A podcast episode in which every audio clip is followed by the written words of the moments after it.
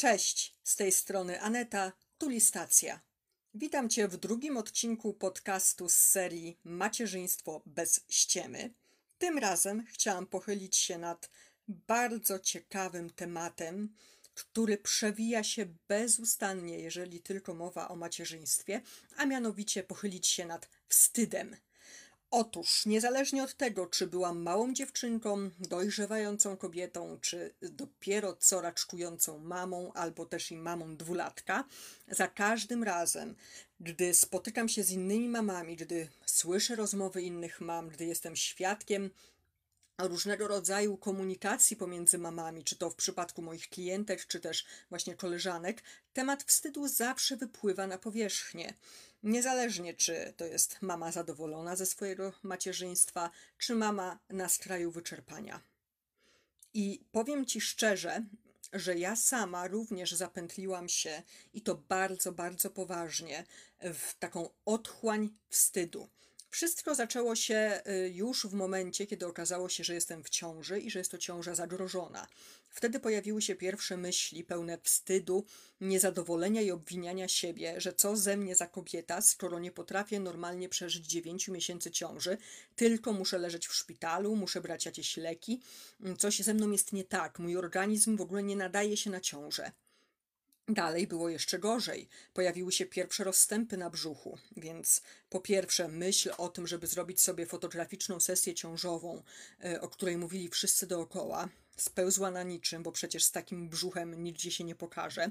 Po drugie, mm, takie samo napędzające się myśli, że spójrz, ile kobiet było w ciąży i ma fajne brzuchy i nie ma tych cholernych rozstępów, a ty co?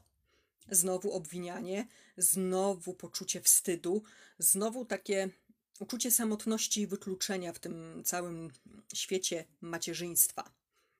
Idąc dalej, znieczulenie podczas y, porodu, też powód do wstydu, cienki leszcz z ciebie, trudny połóg, płacz dziecka, z którym nie potrafiłam sobie poradzić, mój smutek, moje przygnębienie i ogromne zmęczenie, takie uczucie, że ja nie wiem co robić, mm, taka bezsilność, one również wywoływały we mnie poczucie wstydu.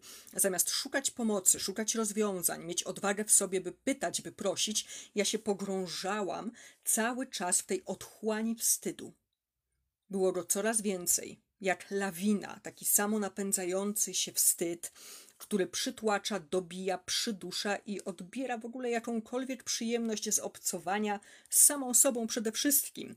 Bo ja nie mówiłam na głos innym, jak bardzo się wstydzę, no bo to byłby kolejny wstyd, to byłby wstyd ze wstydu.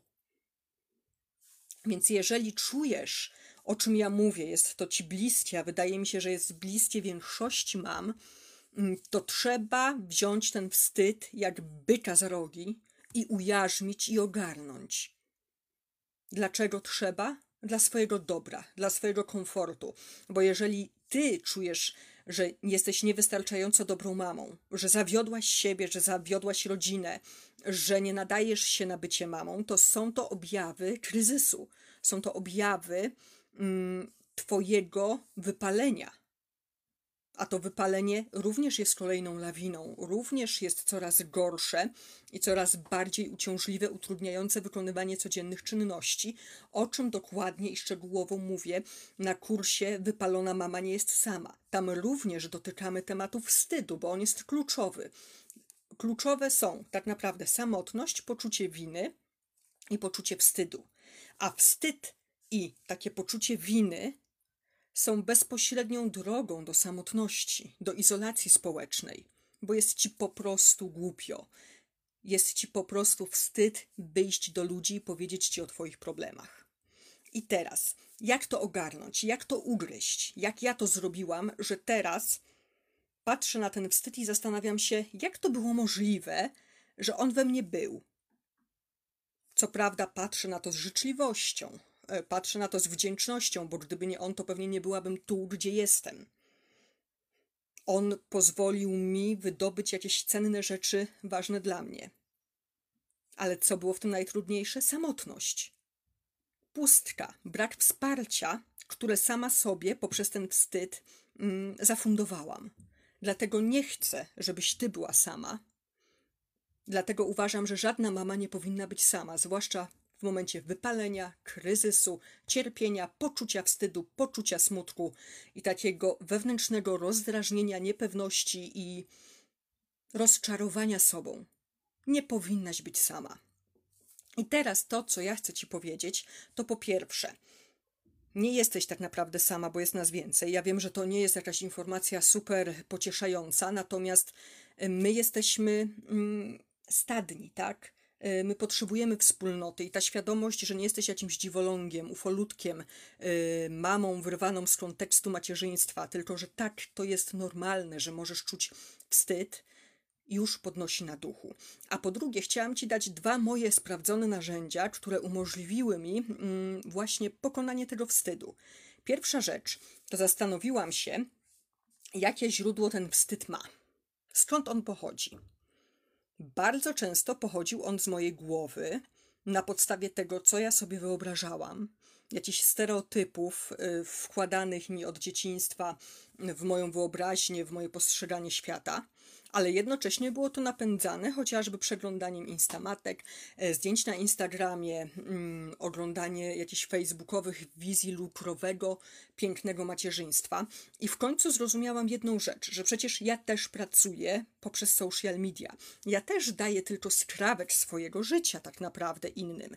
Oni, większość ludzi nie wie, jak to wygląda, bo ja też nie jestem w stanie, choćbym bardzo chciała zaprosić wielkiego brata do domu, to i tak byłoby to okrojone jakimiś tam możliwościami kamery, tak? Czyli nigdy nie widzimy całości. I to jest wyzwalające. W momencie, kiedy ja widzę, że u kogoś jest w moim mniemaniu lepiej, że lepiej sobie radzi, to powtarzam sobie, że ja widzę tylko wierzchołek góry lodowej. Ja nie wiem, jak ta osoba do tego doszła, jakie ma zaplecze, jakie ma wsparcie, jaką ma sytuację, jaką ma przeszłość, co ma w głowie, jaki ma mindset. Więc skoro ta osoba tak naprawdę jest odrębną jednostką ode mnie, to nie ma sensu się porównywać. I im częściej to sobie powtarzam, i myślę, że im częściej ty będziesz sobie to powtarzała, w momencie, kiedy będą cię łapały takie chęci porównywania się z innymi, to tym częściej nie dasz się złapać w sidła wstydu i poczucia winy, bo stwierdzisz: OK, to jest moja bajka, tam jest bajka innej mamy. My możemy nawiązać wspólny język, porozmawiać, wesprzeć się, ale to zawsze będzie inna osoba, z inną przeszłością, z innymi planami, z inną wizją. Więc po co się porównywać? To tak jakby porównywać, nie wiem, jedną planetę z drugą, które nie mają nic wspólnego ze sobą, poza tym, że są planetami. Myślę, że to już jest zrozumiałe, prawda? I druga rzecz, która bardzo mi pomogła, to jest znowu sprawdzenie, skąd te myśli się biorą.